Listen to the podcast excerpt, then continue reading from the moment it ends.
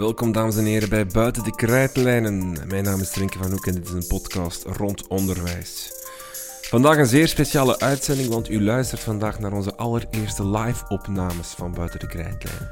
Op zaterdag 2 december trokken wij naar Gent, naar het podcastfestival, om daar met een panel te gaan debatteren over de eindtermen. U hoort in het panel niemand minder dan onderwijsexpert Pedro de Bruikere, historica Helene de Bruyne, leerkracht van het jaar Bram Bruggeman en econoom Stijn Bart. Uh, heel erg welkom op het podcastfestival. Het is een dag om uh, allerlei podcasts te ontdekken, boeiende gesprekken te luisteren en te zien hoe zo'n uh, luisterervaringen eraan toe gaan. En dan wil ik vooral het woord geven aan Rinke van Hoek, die fulltime in het onderwijs is gaan werken, sindsdien heel veel vrije tijd heeft en dus een podcast is begonnen. Voilà, het gesprek is nog niet begonnen en het eerste onderwijsmopje is al gemaakt. Uh, welkom, dames en heren, op het podcastfestival en welkom bij Buiten de Krijtlijnen, een podcast rond het onderwijs en alles wat daar ongeveer een beetje aan hangt. En vandaag hebben we het over de eindtermen, het meest sexy onderwerp ter wereld. Of dat gaan we toch proberen voor het komende uh, uurtje om dat ervan te maken.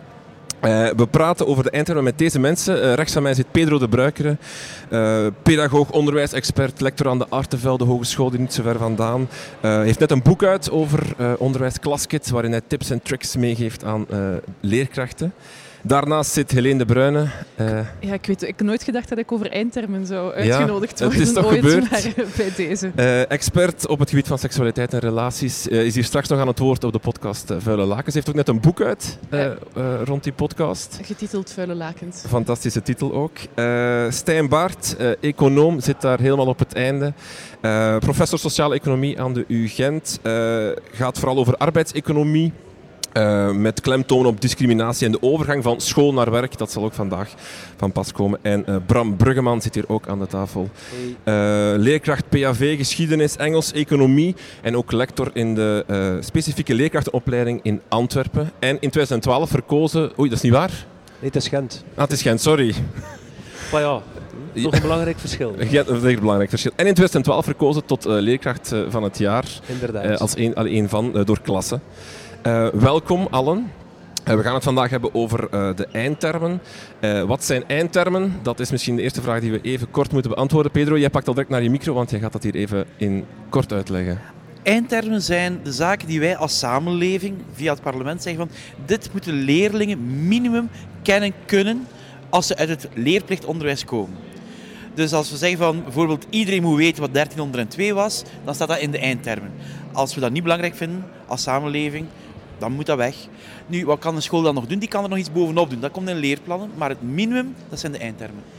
Is, er komt al een reactie, prachtig. Nee, ik vraag het mij al jaren af. Wie, wie stelt die samen zijn, en zijn die omkoopbaar?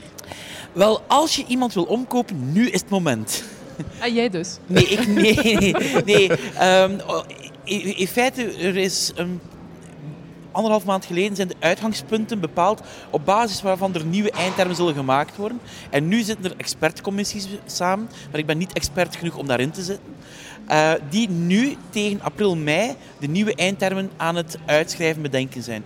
Dus nu kan je beïnvloeden. Ja, want uh, waarom het debat voeren is, er is een grote onderwijshervorming, uh, staat op til. Die is uitgesteld met een jaar sinds uh, gisteren of eergisteren naar september 2019. Door de eindtermen? Door de eindtermen, omdat men daar niet over uitgeraakt of omdat men daar nog niet mee klaar is? Vooral niet mee klaar is. Uh, stel u voor, we gaan heel het onderwijs hervormen. We starten op 1 september 2018, maar we hebben nog geen eindtermen. Dan krijg je dus vakken waar geen eindtermen voor zijn.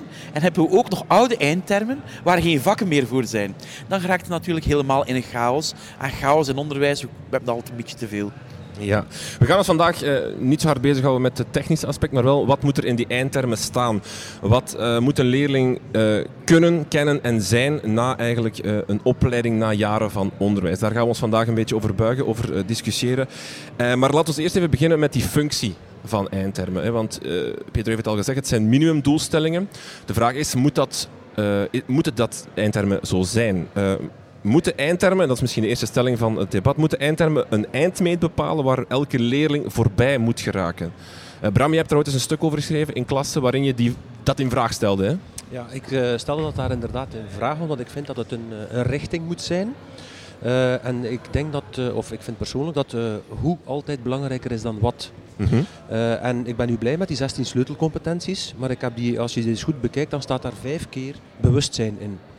Uh, en ik vind dat een hele belangrijke, maar ik vind het een beetje raar dat, uh, dat we spreken over dan eindtermen. Ik zou eerder zeggen, uh, het begint nog maar. Allee, wie, wie heeft er nu op 18 jaar op het vlak van bewustzijn, heeft daar echt alles in bereikt en heeft daar de mogelijkheden, heeft, je kunt daar zelfs over discussiëren. Nou, misschien moet Helene daar mening daar eens over geven, vanuit historisch standpunt en vanuit opgroeien, of dat je dat effectief kunt realiseren. Het gaat ook over emotioneel welbevinden. Dus ik vind een eerste belangrijke opmerking die ik daarbij heb is dat dat moet blijven duren. Dat dat niet stopt op je 18 jaar. Um, en dat, dat je eindtermen eigenlijk, eh, nu wordt die bepaald voor per graad en op je 18e studeer je af en dan stopt ook heel het concept van eindtermen. Dan ja. ga je naar de hogeschool of ga je niets meer doen en dan stopt voilà. eigenlijk het hele streven ja. naar iets. Ja. En ten tweede, ik denk vooral dan, hoe, hoe gaan we dat realiseren? Uh, als we nu kijken naar hoe het onderwijs is georganiseerd, dat is heel sterk vakgebonden.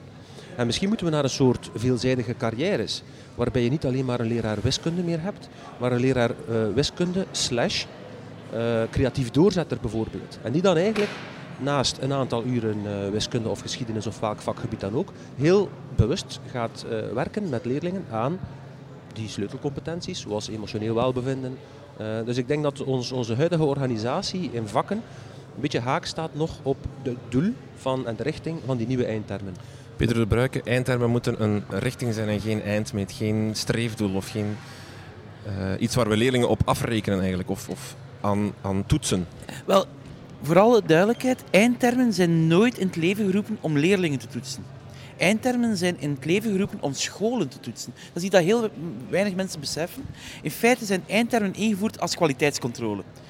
Zijn scholen goed bezig? En dat wordt bekeken. En bereiken de meeste van de leerlingen op die school die eindtermen. Dat is in feite de reden geweest. Dus een school kan niet zeggen van jij bent gebuist, want jij hebt die eindterm niet behaald. Daarom dan daar, je hebt nog geen centrale examens. Een tweede ding, wat heel erg opvalt, en dat is wel belangrijk om te weten, is de link tussen eindtermen en vakken, die is weg. Die hebben ze afgeschaft. Nu blijft de vraag waar onze, onze overheid heel erg mee worstelt. De overheid kan enkel zeggen wat in het onderwijs moet nagestreefd worden, wat moet bereikt worden, maar heeft geen enkele, maar ook dan ook geen enkele inspraak op hoe. Jij kan bijvoorbeeld zeggen, er moet een leerkracht komen die ook creativiteit geeft. De overheid mag dat niet zeggen. Hè? bedoel, stel je voor dat minister Krevits dat zegt, dan binnen de kortste keren is er een klacht voor een grondwettelijk hof die zegt van u bent tegen de grondwet in aan het gaan, vrijheid van onderwijs. Ja, absoluut. Helene? Um, ja, nee, het enige waar ik eigenlijk iets over weet, omdat ik het ook voor mijn boek een beetje heb onderzocht, is hoe het zit met seksuele en relationele vorming. En daar denk ik dat er zich net een probleem voordoet, omdat dat een, een vakoverschrijdend iets is. Maar er is geen vak voor. En dus de school mag daar eigenlijk zo'n beetje mee doen wat dat ze willen. Maar meestal komt het erop neer dat ze dan een biologieleerkracht laten uitleggen uh, wat de eicel en wat de zaadcel is. En dat er nog eens ooit iemand is van Sensoa langskomt om uh, condoompresentaties te doen. Wat natuurlijk niet genoeg is. Nee, klopt. En, en uh, stel je voor dat ik een heel slecht karakter zou hebben, wat ik niet heb. Dan zou je kunnen zeggen dat heel veel van die vakoverschrijdende eindtermen weggeïntegreerd zijn. En dan krijg je heel tijd het debat van misschien moeten we meer vakken hebben of misschien moeten we typische vakken hebben. En daar zie je doorheen de tijd meer een slingerbeweging dan dat er iets vaststaand is. Nu, de oplossing nu is dat alle eindtermen vakoverschrijdende eindtermen worden. Het is nog meer chaos eigenlijk. Geen commentaar. Oké, um, laten we even naar de inhoud gaan. Hè. Wat moet zo'n eindterm, wat moet daar nu in staan? Wat moeten leerlingen kennen, kunnen en zijn? Um, laten we eerst beginnen met um, kennen en kunnen. Moeten eindtermen eigenlijk meer draaien rond vaardigheden en kennis? is daar eigenlijk uh, onderworpen aan. Vaardigheden is het belangrijkste. Leerlingen moeten dingen kunnen doen en kennis is niet zo belangrijk. En ik zie al wat bewegende uh, dingen. Stijn Baart, wat denk jij daarover? Ik bekijk dit natuurlijk allemaal vanuit het perspectief van, van de arbeidsmarkt. En, mhm. kijken van hoe kunnen we jonge mensen klaarmaken voor de arbeidsmarkt op, op korte termijn, maar vooral ook op lange termijn. En hoe kunnen we ervoor zorgen dat zij, laten we zeggen, zichzelf kunnen heruitvinden op het moment dat er uh, evoluties zijn uh, in de arbeidsmarkt, dat er innovatie is en zo verder. En ik denk om jezelf te kunnen heruitvinden later in je carrière ook, is zowel die kennis, hè, die basiskennis, waar je altijd moet op verder bouwen, belangrijk. Maar ook die vaardigheden, en waarbij dat de vaardigheden creativiteit uh, bijvoorbeeld ook een belangrijke vaardigheid wordt, intellectuele creativiteit bedoel ik dan, uh, steeds belangrijker zal worden en een vaardigheid die ook moet gecapteerd worden in, uh, zij het in eindtermen, zij het in uitgangspunten, wat dan ook.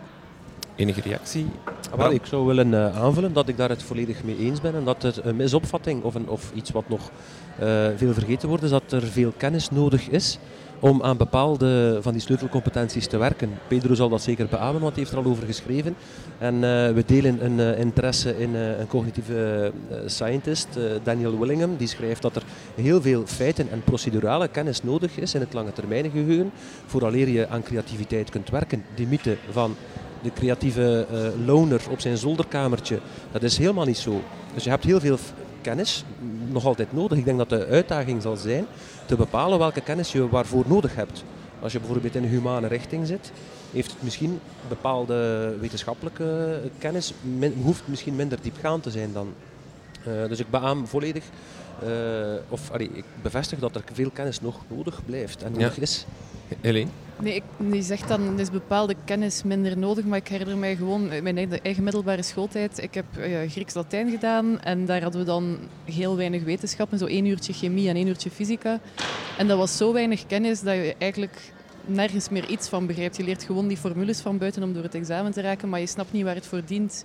Je begrijpt niet waar, waar het allemaal naartoe gaat, gewoon omdat er te weinig tijd is. En heeft het dan nog wel zin om die vakken te... Het is gewoon een vraag die ik opwerp heeft het dan nog wel zin om, om dat mee te geven? Beter een aantal uh, grote vakken waarin veel kennis zit dan uh, het is een, het is de, een vraag die ik mij stel. verspreiden over een aantal kleine vakjes. Peter? Wel, over de kennis, Bram en Stijn, jullie hebben gelijk. Of ik geef jullie gelijk. Meer nog, we zijn nu we zijn gelukkig aan het afstappen van het denken van we hebben geen kennis meer nodig. Je hoort heel vaak, je kan kennis al overal vinden op internet, maar op internet vind je informatie. Je hebt kennis nodig om die informatie te toetsen.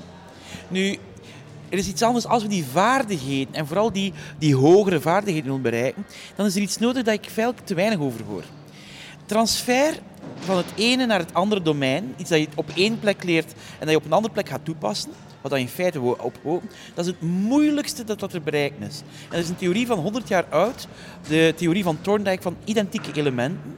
Dat wil zeggen, als je bijvoorbeeld in een les Nederlands of in een vak PAV het op één manier aangeleerd wordt om bijvoorbeeld creatief daarmee om te gaan, dat als je dan in een ander project of in een ander vak, dat je dat ook doet, dat je dan erop gewezen wordt waar de identieke elementen zijn. Maar als iedereen dat op een hele andere manier doet, dan verklein je de kans om net die hogere vaardigheden aan te leren. En dan kan het zijn bijvoorbeeld dat jij dan in een les uh, biologie of fysica zit, waar dat je maar heel weinig krijgt. Maar als we ervoor zorgen dat in feite het denken en het aanpakken over die verschillende vakken geen gelijk is, dan ga je ook ruimte krijgen om dan net die kenniselementen eruit te halen. Ja, maar dat was totaal niet het geval, helaas. Spijtig genoeg. En ik denk dat daar en, en, en, wat is dan een vaardigheid die je dan in al die vakken kan... Uh, bronnen, kritisch bronnen bestuderen, bijvoorbeeld. bijvoorbeeld. Ook, maar bijvoorbeeld, een van de belangrijkste dingen die we vandaag moeten leren, is ironisch genoeg leren. Nu, wat zie je? Uh, je hebt aparte vakjes leren leren. Spijtig genoeg weten we uit onderzoek dat dat op geen enkele manier werkt. Leren is dan van buiten leren. leren nee, nee, leren, leren in het algemeen. Leren, leren. Ja, sorry. Ik vind Prachtig het heel... vak, leren, leren. Ja, ja, ja. Zeer, het is dus, er. Heel vaag. Wel, dan gaat het feitelijk van hoe ga je informatie verwerven. Niet enkel uit het hoofd leren, maar ook technieken naleren en dergelijke meer. Nu, we weten uit onderzoek, uit vrij veel onderzoek zelfs, dat zo'n apart vak leren leren, dat dat niet werkt. Wat is veel belangrijker? Als je een taal leert, we leren allemaal talen, we leren verschillende talen op school. Uh, studenten van ons hebben nooit gekeken naar hoe de dingen benoemd worden in de verschillende taalvakken, als ze hetzelfde bedoelen. En ze noemen, gebruiken allemaal andere terminologie, waardoor dat je ook al die transfer niet mogelijk maakt. Maar bijvoorbeeld, in bijna alle vakken is herhaling een belangrijk principe voor te leren. Automatiseren is een belangrijk principe voor te leren. Spijtig genoeg zie je dat heel veel leerkrachten andere methodes aanleren, of zelfs dezelfde methode aanleren, maar andere woorden gebruiken, waardoor die identieke, uh, identieke elementen verdwijnen je zou toch verwachten, Pedro, dat dat al jaren uh, moet ingebed zijn in een goede lerarenopleiding? Ik weet het. En, en, en, en, en Thorndike is, die theorie is maar 100 jaar oud, dus het zou mogelijk nog doorgecijpeld zijn. Maar hier botsen we soms heel vaak op de waan van de dag. En het kan zijn dat dit een nieuwe waan van de dag wordt als ik dat te veel promoot. we hebben de voorbije tijd zoveel dingen die het onderwijs moeten doen. Uh, de, het belangrijkste thema op dit moment in lerarenopleiding is noodgedwongen de grootstedelijke context. Omdat we merken dat er meer en meer leerkrachten komen op plaatsen in de grootsteden waar ze meestal zelf niet vandaan komen. Mm, een eindtermdebat en daar aangekoppeld, die er ook aankomt, de hervorming van de lerarenopleiding, zou een mooi moment zijn om een stapje achteruit te zetten. Om te kijken van waar moeten we nu eens prioritair mee bezig zijn op lange termijn. En dit is dan een element waar ik voor pleit. Ja, ik ga volledig akkoord eigenlijk. Ik weet niet wat jij daarvan denkt, Nee, waar ik in het bijzonder gecharmeerd door ben, in hetgeen dat u zegt, uh, Pedro, is, is die transfers inderdaad. Ik denk, allee, voor zover ik er voeling mee heb, dat dat heel nauw aansluit bij hetgeen dat ik daar net zei. Hè. Vroeger startten mensen in, in, een job uh, als zij van de schoolbanken kwamen en ze deden die makkelijk de rest van hun leven lang. terwijl de komende generaties gaat dat totaal anders zijn. die jobs gaan, gaan veel sneller evolueren en we gaan moeten voor een stuk een transfer zou kunnen maken uh, van bepaalde vaardigheden die men heeft, basisvaardigheden en, en basis uh, skills die, die anderen niet hebben, om die te kunnen meenemen ook in, in ander soort uh, jobs. En dan, dan voel ik wel hetgeen dat u, dat u zegt. Dus hoor ik hier eigenlijk een pleidooi om in elk vak een soort van basisvaardigheden te gebruiken op ongeveer dezelfde manier. Al was maar dezelfde terminologie gebruiken, ja. maar gewoon moet dat elk vak hetzelfde uitzien, dan wordt het saai. Maar ik denk dat het een heel interessante denkoefening is als de eindtermen er eenmaal zijn. Om door bij leerplanmakers, maar ook bij scholen, om daarin te gaan kijken van waar zitten nu in feite de elementen die identieke elementen zouden kunnen zijn. Mhm. Waardoor dan die transfer voor die hogere vaardigheden kunnen nastreven. En een vraag die ik mij plots stel, die mensen die nu, zoals je zegt, bezig zijn met het nadenken over die nieuwe eindtermen, wie zijn die? Hoe zijn die aangesteld? Wat is hun politieke gezinte? Wat zijn hun prioriteiten? En loopt het daar soms misschien fout? Dat daar allemaal conflicterende belangen spelen en dat er daarom niet aan op de lange termijn wordt gedacht? Hoe groot wordt het politiek spel gespeeld, Pedro? je hebt verschillende stappen. Hè. Op dit moment heb je expertcommissies. En daar zitten handboekschrijvers in, zitten mensen van koepels misschien, zitten er experten die compleet neutraal zijn. Maar je mag niet vergeten, als er in april daarvan eindtermen komen. En waarbij dan een dienst van de overheid die neutraal is, eh, dus niet van het kabinet, maar van neutraal is, probeert al dat op elkaar af te stemmen dan komt er ook nog een debat in het Vlaams parlement. En ook aan elke keuze van eindtermen hangt er zelfs een prijskaartje. Stel u voor, en dat is een debat die bij de vorige eindtermen gebeurd is. Als ik zeg als parlementariër, ze moeten kunnen zwemmen, maar er is een minimumfactuur, dat kost heel veel geld. En dan komt er iemand die zegt van, ja maar voor die eindterm hebben we geen geld.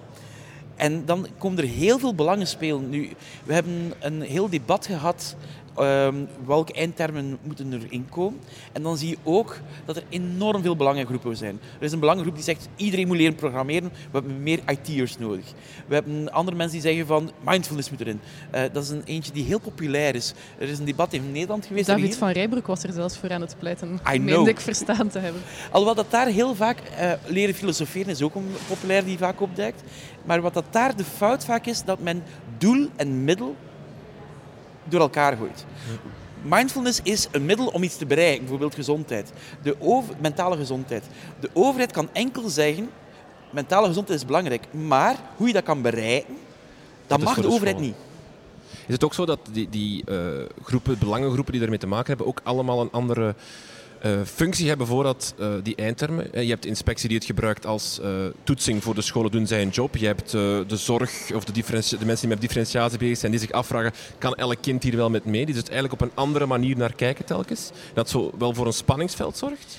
Ja, en ik denk dat dat nu de grote strijd is. Ik denk dat de strijd is van hoe concreet maken we de eindtermen. Hoe concreter de eindtermen zijn, hoe hanteerbaarder, maar ook hoe minder bijvoorbeeld koepels en handboeken zelf kunnen invloed uitvoeren op die eindtermen. De, de hedendaagse eindtermen zijn ongelooflijk vaag. Ik denk dat Bram er verschillende van kent. En eh, iedereen kan erin steken wat je wil. Zie je daar een, een afruil tussen concreet zijn van eindtermen en anderzijds de, de vrijheid voor een stuk waar ik Bram toch daarnet hoorde voor pleiten, dat het, dat het niet te strikt moet zijn, eerder richtinggevend. Is dat concreet wat jij zegt uh, in strijd? Of, of gespannen voet met het... volledig gelijk heeft, dat het, maar, uh, maar men blijft daarover praten en over die belangen. En, en dat is voor mij steeds het wat. Waar ik mij grote zorgen in maak, is hoe gaat de leraar in het dagdagelijkse veld dat realiseren? En het belangrijkste dat ik daar wil bij voor, uh, voor pleiten, is dat, het, dat we af moeten van die soort afvinklijstjes. Oké, de schotten zijn nu weg, of het, het, het, er is geen onderscheid meer tussen vakgebonden en vakoverschrijdende eindtermen. Maar dan nog zal de leraar uh, heel sterk vanuit dat vak blijven denken. En hoe beïnvloeden we die leerkracht in zijn mindset, zodanig dat hij eigenlijk ook creativiteit, ondernemingszin, innovatief denken. Kritisch denken is makkelijk om in de woord te nemen, maar als je weet dat ons brein eigenlijk gemaakt is om denken uit de weg te gaan, dan ga ik wel akkoord dat dat een soort kennis is die eigenlijk overwegend overkoepelend moet aanwezig zijn. En daar maak ik mij wel zorgen in. Hoe gaat de leraar dat eigenlijk doen? Is de lerarenopleiding eigenlijk goed genoeg om de leerkrachten daarvoor klaar te stomen? Ja, uh, oei, ja dat, dat zou moeten. Hè. Maar uh, het, bewijst, of het toont natuurlijk ook aan dat uh, de lerarenopleiding eigenlijk niet zo heel veel uh, fundamenteel effect uh, heeft, omdat leerkrachten na x aantal jaren in het werkveld vallen zij terug op de lesstijl en de, leerstijl, of de, de stijl van lesgeven zoals zij zelf heel lang les gehad hebben. Dus daarom ook dat ik ook zeg van die eindtermen, of allee, de, de sleutelcompetenties die daarin staan, dat is ook in een lerarenopleiding belangrijk. Maar dat, is eigenlijk, dat zijn zaken die je, waar je alle dagen kunt aan werken. Maar je moet wel naar dat hoger niveau gaan en weten waar, waarover het gaat als het gaat over emotioneel welbevinden ja, uh, dat is niet zomaar iets wat je even af en toe toepast in een themaweek of in een projectweek en ondertussen je vak biologie blijft geven zoals je het ooit gegeven hebt. Dus dat vind ik een hele moeilijke en voor mij heeft dat te maken met het hoe en niet met het wat. Ik begrijp dat men makkelijker discussieert over het wat. Dat is, ook, hè, en de, eh, het hoe dan bij de koepels laat en bij de pedagogische begeleidingsdiensten en zo. Uh, maar ja, ik zie toch veel leerkrachten in het werkveld die, die niet goed weten hoe ze daarmee moeten omgaan. Daarom dat ik pleit voor die veelzijdige carrières. Je moet af van, ik ben alleen maar leraar aardrijkskunde. Nee, je bent zoveel meer dan dat. Je kan ook iets anders aanleren aan jongeren. Het lijkt mij ook moeilijk. Uh, voor ons boek hebben we een heleboel leerkrachten um, geïnterviewd die seksuele en relationele vorming moeten geven, omdat ze toevallig leerkracht biologie zijn of leerkracht zedeleer en ze krijgen dan zo die hete aardappel toegeschoven waar niemand echt veel zin in heeft. En die voelen zich daar zelf heel ongemakkelijk bij, um, omdat ze daar niet voor zijn opgeleid. Voilà. En ook wat is relationele vorming, dat is heel complex. Hoe, hoe net, net, wat je zegt, hoe, hoe, hoe, breng je dat over aan jongeren? En ook, hoe krijg je dat gedaan op één themales? Ja, wat er dus ook die, die ja. zitten met heel veel vragen. Absoluut, en dat wordt allemaal vanuit dat vakdenken. Uh, gestimuleerd. Je hebt hier in Gent een uh, bakfietshersteller Tube, dat was een leraar geschiedenis.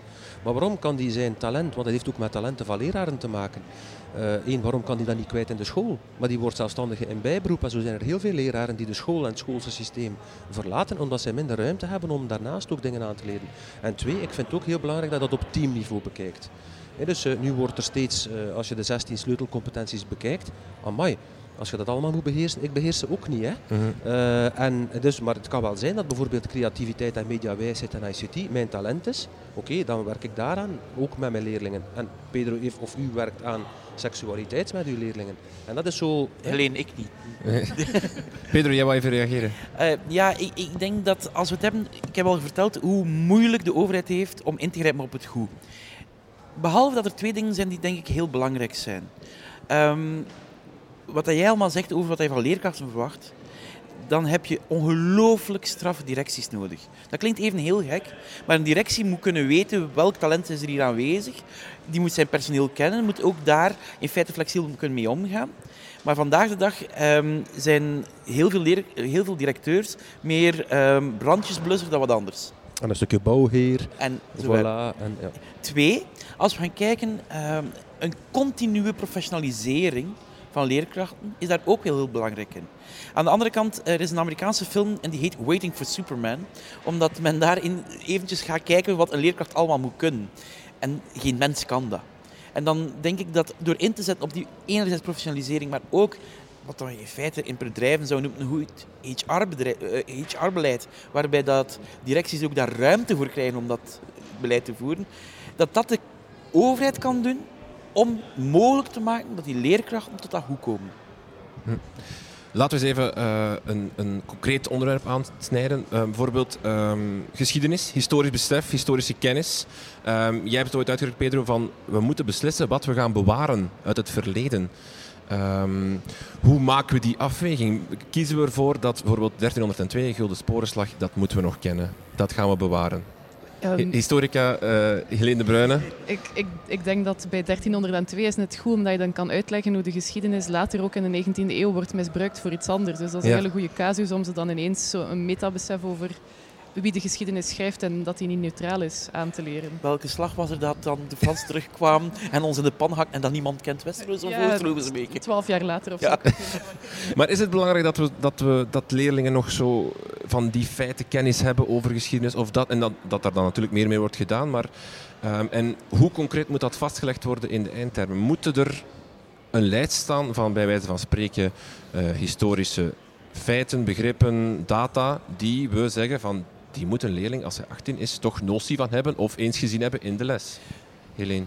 Ik denk dat er toch wel iets van een kader moet zijn, omdat alles, anders wordt alles een soep in hun hoofd. Ze hebben toch een soort kapstok nodig om iets aan vast te hangen, lijkt mij. Of kunnen we daarin de leraar vertrouwen? De leraar geschiedenis die opgeleid is, die, die meegekregen heeft van eh, dit is de geschiedenis, die daar drie jaar les over gekregen heeft of vijf jaar les over gekregen heeft. En die zegt van ik ga zelf wel eh, beslissen of kiezen wat ik interessant vind of belangrijk vind dat leerlingen meepakken. Bram, jij bent ook leerkracht eh, geschiedenis, als ik goed Ja. geïnformeerd ben. Ja, maar ik vind dat, ik vind dat echt moeilijk. Ik vind dat echt moeilijk. Ja? Eh, Renke, waarom? Omdat, omdat je natuurlijk vanuit elke perceptie en uit elke overtuiging van elke leerkracht, iedereen zal strijden voor zijn vakgebied Ja. en voor zijn inhouden. En dat is ook, ja, ik, ik weet het echt niet hoe we dat, eh, maar ik wil vermijden dat we, daar, dat we daarin stranden en dat die discussie dan blijft duren. En ik denk dat dat een dankbaar eh, kader op een hoger niveau is, wat er nu in die 16 sleutelcompetenties staat. Ik denk dat het belangrijker is dat het daarover moet gaan en dat je die als dankbaar, eh, dankbare set neemt, omdat die ook binnen vijf jaar, binnen tien jaar, binnen vijftien jaar nog zo gaan werken. Voor mij is het, is het belangrijker, los van de feiten, dat het gaat over dat historisch bewustzijn. En dat is een van de vijf keer dat dat in die sleutelcompetentie staat. Maar hoe werkt bewustzijn? Hoe, hoe gaat aandacht? Aandachtsgeletterdheid bijvoorbeeld. Hè? Hoe onze jongeren, zij zijn allemaal bezig met de smartphone, wij zelf ook. Maar welke impact heeft dat op ons brein? Hoe leidt ons dat af? Dat vind ik bijvoorbeeld ook een, een dankbaar iets wat op een hoger niveau zit, omdat dat ook binnen vijf à tien jaar nog zo zal zijn. En, en die feitenkennis, ja, Dan vraag ik mij, gewoon concreet vraag ik mij af, je ziet het einde van het schooljaar naderen, je bent niet klaargeraakt met alles, wat gooi je er dan uit in de geschiedenisles? Eh, ik weet het niet. Helene, ik weet het echt ook niet. ben- En nee, nee, ik ben ja, gewoon benieuwd. Ja, maar ik heb ook eh, leraren eh, al tegengekomen op, eh, die, die hun handboek eh, biologie van, eh, van pagina 1 tot pagina 148 geven, waarbij 148 het colofon is. Moet je dat dan geven? Allee, het gaat niet over het handboek.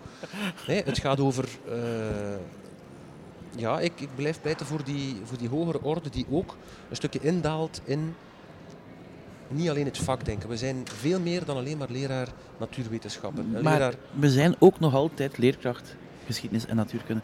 En het, Ja, het is een en-en verhaal, hè. Het, het Eh, probleem is, is dat, dat je in feite... Mijn grootste nachtmerrie is wat dat men in Nederland geprobeerd heeft en een kanon op te stellen van alle feiten die we moeten kennen over onze Nederlandse geschiedenis of literatuurkanon. Ah, er wat- was al meteen kritiek op dat Oh kanon. ja, hè, dat was verschrikkelijk. Het was ook wel heel, heel selectief. Ja, en, en dan ga je ook iets gaan bevriezen in de tijd. Maar aan de andere kant, stel je voor dat we zeggen van feiten zijn niet meer belangrijk, dan krijgen we een volgende situatie binnen de tien jaar dat iedereen geschokt is of in shock is omdat onze leerlingen de Eerste en Tweede Wereldoorlog niet meer kennen. En, en dat evenwicht, dat moeten we gaan blijven bewaken. En op de vraag die je stelde van wie moet dat bepalen? Wij. En dan bedoel ik echt overdrachtelijk wij als samenleving. Wat vinden wij belangrijk dat mee? Wel, maar dat, zag je, dat probleem zag je dan in dat kanon van Nederland. Ehm, wie heeft dat samengesteld? Dat waren mensen die geen aandacht hadden voor bepaalde stukken van de geschiedenis, zoals het slavernijverleden of vrouwenemancipatie. Dat werd allemaal zo maar heel snel en passant erdoor geduwd. En, en ja, zij hebben dat dan bepaald. En dan zit het probleem al bij de samenstelling van het comité Klopt. dat die feiten op een rijtje zet. En ik denk, als je enkel... Ik geef Bram gelijk, als je ons heel erg gaat concentreren op die feiten, dan gaan we overloze discussies hebben en gaan we tot de rest niet meer toekomen. Maar dat wil niet zeggen dat je die feiten dan ook weer moet weggooien. Dus het is een hele moeilijke evenwichtsoefening. Ik denk dat het een, een en, en, en, en verhaal is. Het is nooit, dus het is nooit alleen maar zwart-wit. Maar eh, de leraar blijft natuurlijk ook, en dat weet Pedro uit zijn doctoraat ook, de, de vakkennis en de, en de liefde voor het vak. Maar dat is, ook, dat is misschien nog, dat is geen vakoverschrijdende eindtaar voor mij, maar dat is een mensoverschrijdend beginpunt. Liefde voor het vak en liefde voor uw leerlingen. Dat maakt ook een heel verschil. En je kunt dat droog brengen, maar daar gaat het over. En dan kom je tot die innovatie en die, en die passie. En mensen gaan zoveel meer zo graag gaan doen. Mensen werken eigenlijk best graag. Veel en hard. Alleen is het wanneer dat niet strookt met hun innerlijke why, hè, hun innerlijke overtuiging, dan kom je met, hè, met een groot probleem. Dus, uh... Misschien een vraag voor de arbeidsmarkt dan. Is het beroep van leerkracht, heeft dat dan wel genoeg prestige? Want er wordt heel veel van die mensen gevraagd. Ah, eindelijk. Ik moet zeggen dat ik er uh, niet specifiek een idee van heb. Dus van metingen die dat uh, tegenover elkaar uh, afzetten, die zeggen van hoe prestigieus is dat beroep. Je hoort daar altijd over, maar dat is natuurlijk casuïstiek, dat dat iets was dat vroeger prestigieuzer was dan nu. is dat iets dat gekeerd is? Ik zie Pedro schudden met zijn hoofd. Misschien is dat gekeerd, die evolutie. Uh, maar dat is toch hetgeen dat ik daar uh, altijd over heb gehoord. Dat dat uh, in de generatie van mijn ouders en zo verder een, een meer prestigieus beroep was. onze huidige rector Rick van de Wal heeft daar ook nog naar verwezen. Hè. Zijn ouders, grootouders zaten in het onderwijs en dat waren echt ik denk dat zeggen, grote mannen in zijn samenleving. En nu ziet hij dat toch wel anders. ik denk dat het zijn. te maken heeft met autoriteit. Hè. Paul Verhagen met zijn boek Autoriteit. Van vroeger was wel de leraar. En, hè, terwijl dat nu de autoriteit op het individu, het, het, individu dat is aan het verdwijnen. Autoriteit zal meer op groepsniveau zich bevinden. En ik vind autoriteit ook door, door liefde voor het vak en door, door echt uw, uw, vak, ja, uw vak met liefde te behandelen en te geven, dat geeft u autoriteit. En zo wordt leraar van het jaar natuurlijk ook. Ja. Pedro, is het, uh, is het uh, beroep van leerkracht gedaald in aanzien? Ik, ik, ik het is sprak, moeilijk. Ik sprak een paar weken geleden met Bieke Purnell van Rosa VZ2, die werken rond, rond gender. En die vertelde dat elk beroep dat, uh, dat de leerkracht vroeger, 50, 100 jaar geleden, was dat de man uit het dorp, de, de strenge leerkracht. En elk beroep dat een beetje vervrouwelijk daalt in aanzien en in, in verloning. Dat klopt niet noodzakelijk als je naar de geneeskunde kijkt. Mm daar zie je dan, dan is dat dan blijkbaar vaak de uitzondering. Wat dat wel merkt bij de leerkracht, is altijd een heel moeilijke positie geweest. Historisch-pedagogisch kun je zien van, het was nooit de elite, het was nooit de notabele, maar door, door in feite dat hij een belangrijke rol had en doordat hij ook wel veel wist, zat hij zo... En omdat hij de kinderen van de elite moest opvoeden ja, natuurlijk. Zat, zat hij tussen hangen en wurgen bijna in. Um, wat we wel zien is dat waar vroeger, en dan spreek ik te lang geleden, um, dat, of, ja, dat je mensen hadden die niet konden gaan studeren, die gingen naar de kweekschool. Die niet rijk genoeg waren, maar toch slim waren, die gingen naar de normale school en die werden leerkracht. Nu zien we dat in feite door democratisering, één, ouders vaak hoger opgeleid worden. En de, de leerkracht in feite meer als gelijk gezien wordt. Of zelfs, ik heb vandaag nog aan tafel verschillende verhalen gehoord op een familiefeest, hoe dat ouders zich slimmer voelen dan de leerkracht. Terwijl dat dat idee niet noodzakelijk vroeger was. En al die elementen samen zorgen ervoor dat die positie veranderd is. Is het ook door de bereikbaarheid van leerkrachten? Ik denk, uh, bij ons op school is er uh, heel veel te doen over mails die ouders sturen via, Smart School. Als er iemand, ze kunnen nu direct de punten checken van de leerling. En dan, als er een, een bui staat, dan krijg je direct daarna een mail uh, van sommige ouders van hey, hoe komt dat hier? Nog voordat je bij wijze van spreken het kind hebt ingelicht of de kind heeft maar, Maar dat is, gewoon, dat is gewoon een teken van de tijd. Ik bedoel, dat is een transparantie die niet enkel in het onderwijs bestaat, dat bestaat overal. Ik bedoel, als we, iets, als we een klacht hebben over telenet, vroeger ging bel, nu gooien we dat op sociale media. Ik bedoel, dat is een transparantie die niet typisch is voor het lerarenberoep, maar die waar het lerarenberoep ook mee geconfronteerd wordt, denk ik. Ja, ik denk dat dat ook allemaal een beetje uh, ja, een vorm van uh, aandachtsgeletterdheid vraagt. Wil jij, Rink, op vrijdagavond uh, of op zondag plotseling via Smart School te weten komen dat uw kind gigantisch gebuist is voor een bepaalde toets. Dat verbrot wel heel uw vrijdagavond, hè, voor alle duidelijkheid. Maar Daarom dat het nu wat fijn is dat Smart School bijvoorbeeld standaard, om, om, een, om een product te noemen, die meldingen uitlaat. Dus ik denk, hoe gaan we om met die informatie en die transparantie? Dat is een veel belangrijker. En zeker als je het werk van, werk van elke Gerards erbij neemt, mentaal kapitaal, en kijkt welke impact dat heeft op ons brein. Mm Ik denk dat dat ook eentje is die wel in die sleutelcompetenties zit. Hè. Ja. Um, de eindtermen moeten rekening houden met de uh, economische vooruitzichten en inspelen op de vraag van de arbeidsmarkt. Um, als er, uh, we gaan naar een tijd van uh, digitalisering van programmeren, dus we moeten programmeren aanleren op school. We gaan naar een tijd waarin uh, er meer nood is aan, ehm, zal ik maar zeggen, schrijnwerkers, dus dan moeten we daarop gaan inzetten. is dat een goed idee, Stijnbaard? Voor een stuk wel. Dus ik ga daar teruggrijpen naar hetgeen dat ik daar net heb gezegd, naar die korte termijn en die lange termijn. En ik denk dat het enorm belangrijk is dat we beide goed voor ogen houden. Dus wat de korte termijn betreft, zitten we inderdaad in een, in een periode van innovatie. Men spreekt daar over disruptie. We weten van alle periodes in de geschiedenis, uh, wanneer dat er evoluties gaande waren en, die economisch van belang waren, zijn er altijd landen geweest die daar als, en landen en regio's hè, die daar als winnaar zijn uitgekomen en landen en regio's die daar niet als winnaar zijn uitgekomen. Bijvoorbeeld Vlaanderen heeft een heel mooie evolutie doorgemaakt, jaren 70, 80 en zo verder, omdat zij mee waren met de technologie. Als wij mee willen zijn met de vooruitgang in de economie, de innovatie die er is, die, die nu plaatsvindt, dan zullen wij er ook voor moeten zorgen dat de jongeren van vandaag dat die daar klaar voor zijn. En dat die klaar zijn om het verschil te maken en om ervoor te zorgen dat Vlaanderen en België uh, mee is en, en, en, en gaat gebruik maken van die evolutie. Dat is de korte termijn. De lange termijn zijn de evoluties van morgen. En ons ook daarvoor klaarmaken betekent dat we die algemene competenties waarnaar verwezen is, die intellectuele creativiteit, eh, die basiskennis en zo verder, dat we die ook in de gaten moeten houden. Dus ja, we moeten ons voor een stuk enten op wat nu bezig is, maar niet blind, hè, omdat de evolutie uh, niet stopt uh, bij het huidige decennium, maar dat er in de komende decennia nieuwe evoluties voor zijn, waar dat de basisvereisten, de basiskennis en vaardigheden ook belangrijk zijn. Maar mag ik dat even heel concreet maken? Stel je voor, we hebben wonder, hebben we op 1 september 2019 nieuwe eindtermen voor 12-jarigen die beginnen en die dan moeten zes jaar studeren, dat is zes jaar later. Dan gaan ze ook misschien naar de hogeschool of de universiteit, een hele groep. Dan is het nog een keer vijf jaar later. Dan moeten we dus kijken naar de toekomst binnen 16 jaar. ongeveer.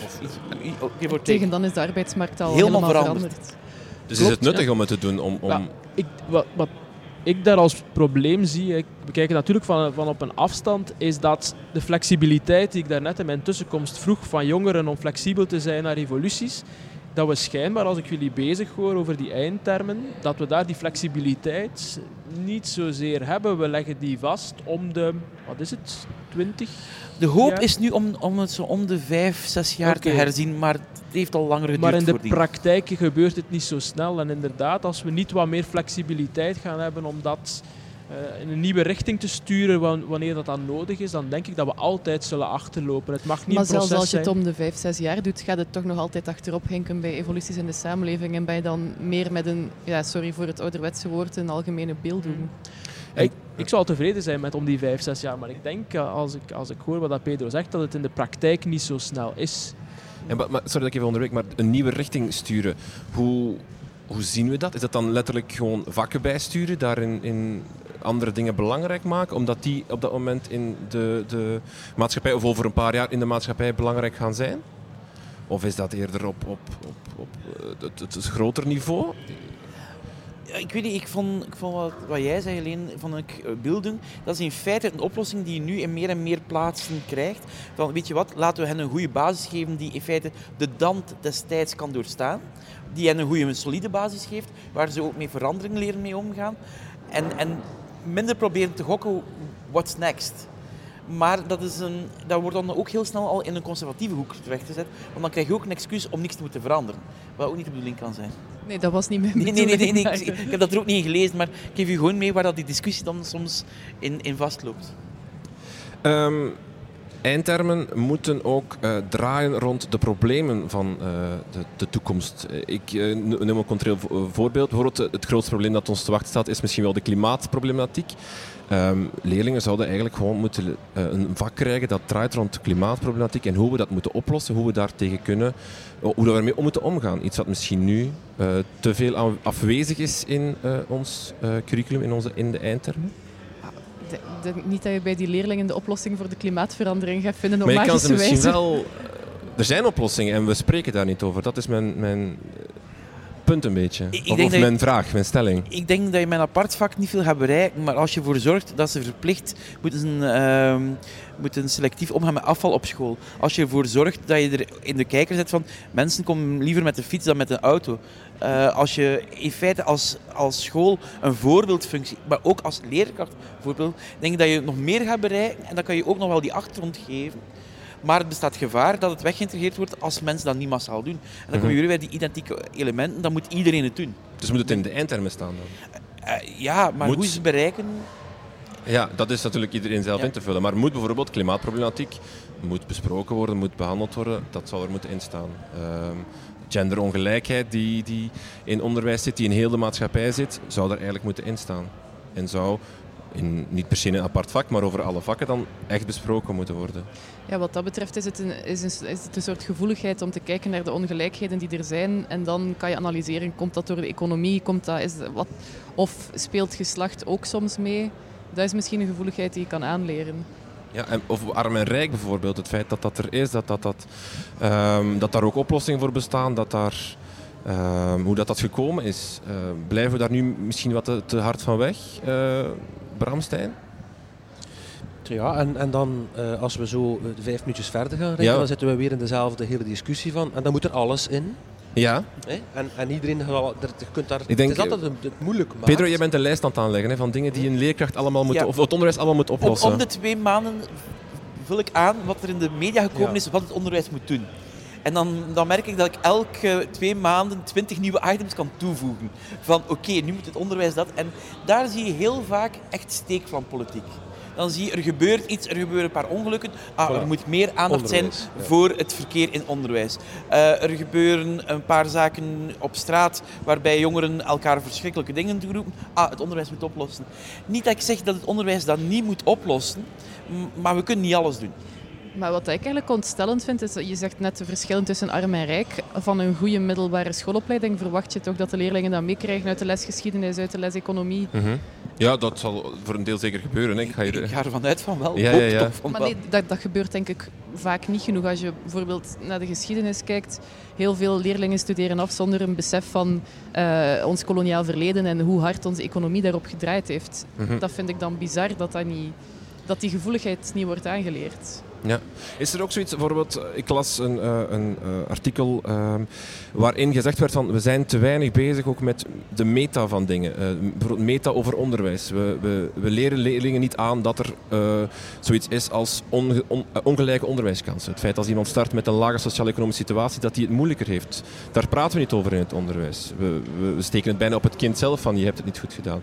We, we, spreken over wetenschap, we leren leerlingen chemie, fysica aan. We hebben het niet over hoe wetenschap werkt over het feit dat daar onderzoek voor moet gevoerd worden, dat daar tegenonderzoek voor moet gevoerd worden, dat heel veel dingen mm. eigenlijk niet echt zeker zijn. Dat dat betaald moet worden, wie dat, dat, het ja, betaalt. We, we, spreken heel weinig over, de, meet, over, over die, de dingen zelf op zich, denk ik dan. Voor, voor mij is het nu heel moeilijk, omdat instinctief ik direct zou zeggen ja. En, maar dat is gewoon omdat die dingen mijzelf ook ontzettend ja. na aan het hart en ontzettend boeiend zijn. Maar op dat moment word ik zo een van de vele lobbygroepen die pleit voor zijn dada in het onderwijs.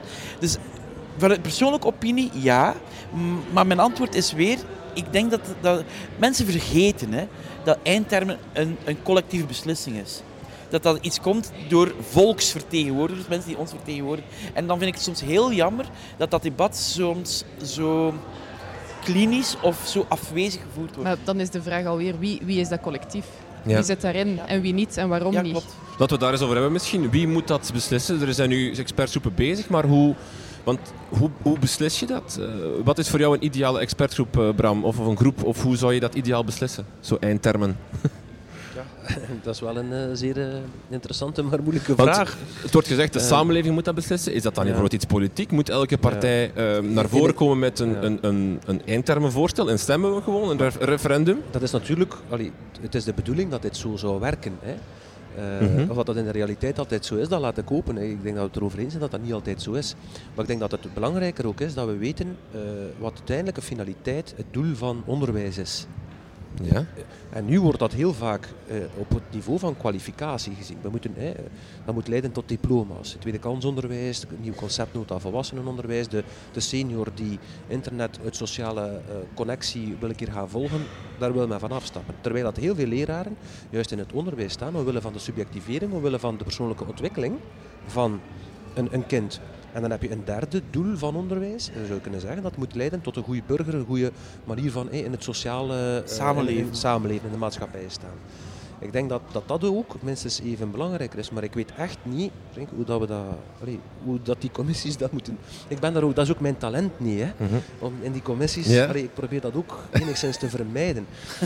um, Stijn, zou jij in zo'n commissie wel, gaan zitten als ze jou vragen? Wel, nee, ik denk dat in dit debat uh, ook wel duidelijk wordt dat uh, de kennis in deze bij, bij andere mensen die in het debat zitten en die daar ook uh, beter zouden kunnen over oordelen. Wat ik wel denk, en het is een beetje een open vraag terug naar, uh, naar Pedro. Is het wel zo gelukkig dat het uiteindelijk de, de parlementsleden zijn die die discussie ten gronde gaan voeren, omdat je dan heel veel troetelkindjes van die parlementsleden gaat vinden. We hebben hier een aantal zaken uh, aangeraakt, klimaat, uh, burgerschap en zo verder. Zijn het niet net mensen die een stap kunnen terugzetten, die daar echt een brede kijk op hebben, die echt experten zijn en die vanuit een algemeen kader naar eindtermen kunnen komen die breed zijn en die niet gaan over troetelkindjes en over uh, steekvlammen. dus Definieer echt expert mensen die daar studiewerk hebben over uh, gedaan, die echte literatuur daaromtrent heel goed kennen, die heel goed kunnen vergelijken met het buitenland. Uh, dat lijken mij zaken die experten kunnen. Het is een hele moeilijke. Ik bedoel, we hebben mensen die dat ook aan het doen zijn. Als we kijken, de invloed van de OESO op ons curriculum is heel groot, omdat je dan bijna krijgt in veel landen dat wat is het curriculum, dat wat door PISA gemeten wordt wat soms dan ook weer tot een verschraling kan zorgen. Alhoewel dat PISA meer kijkt dan naar rekenen en taal. Dus kijkt ook verder. Maar in feite botsen we hier op een discussie. Ik moet nu opeens spontaan aan een Simpsons-aflevering denken. Waarbij dat, Nooit ver weg, die Simpsons. Ja, waarbij opeens de, de slimste van, van, van de wereld de regering vormen. En waarbij dat ze dan compleet slaags krijgen. Nu, ik, ben, eh, ik heb bij twee dozen waspoeder uh, het label expert gekregen. Uh, ik was daar blij mee. Dat was een schone actie. Maar aan de andere kant denk ik dat als expert mijn rol is adviseren. Mijn rol is bijvoorbeeld, wat jij net zei, die drie taken van onderwijs, vergeet die twee anderen niet. Aan de andere kant is het misschien misplaatst nederigheid, maar durf ik niet spreken voor de rest.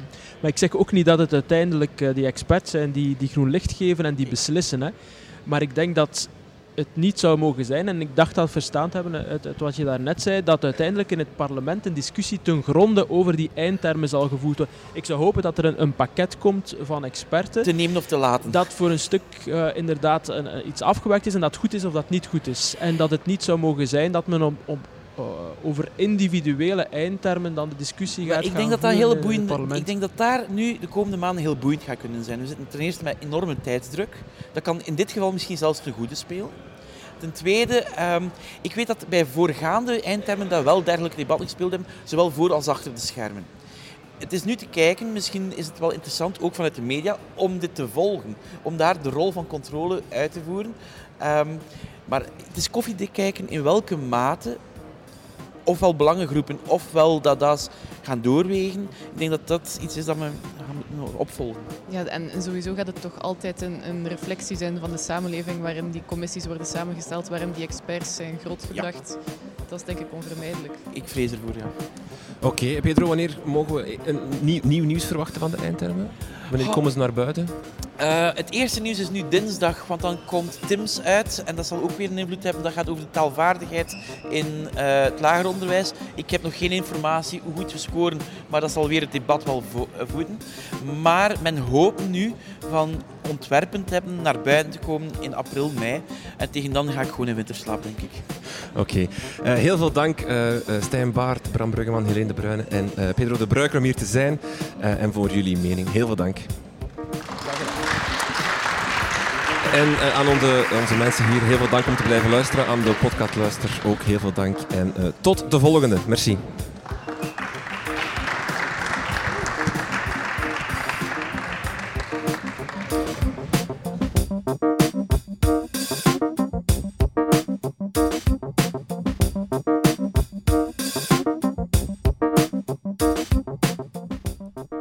Dit was het dan, de allereerste, maar hopelijk niet de laatste live-uitzending van Buiten de Krijtlijnen. Ik hoop dat u het interessant vond. U kan nog steeds meediscussiëren en debatteren via Twitter. We hebben daar wat quotes en reacties gezet van uh, de panelleden en daar kan u op reageren. Heel veel dank uh, aan het podcastfestival, de vele medewerkers, Floris Daleman voor de techniek en Lisbeth Goossens voor de live verslaggeving via Twitter en ook Nest voor de prachtige locatie. U kan onze panelleden volgen op Twitter. Zo zit Pedro de Bruikere op Twitter via @debandb, Helene de Bruyne via @helene de Bruyne, Bram Bruggeman via Bram Bruggeman en Stijn Baart via Stijn Baart. Meer info over deze podcast vindt u via www.dekrijtlijnen.be of via Twitter @dekrijtlijnen. Heel veel dank voor het luisteren en tot de volgende.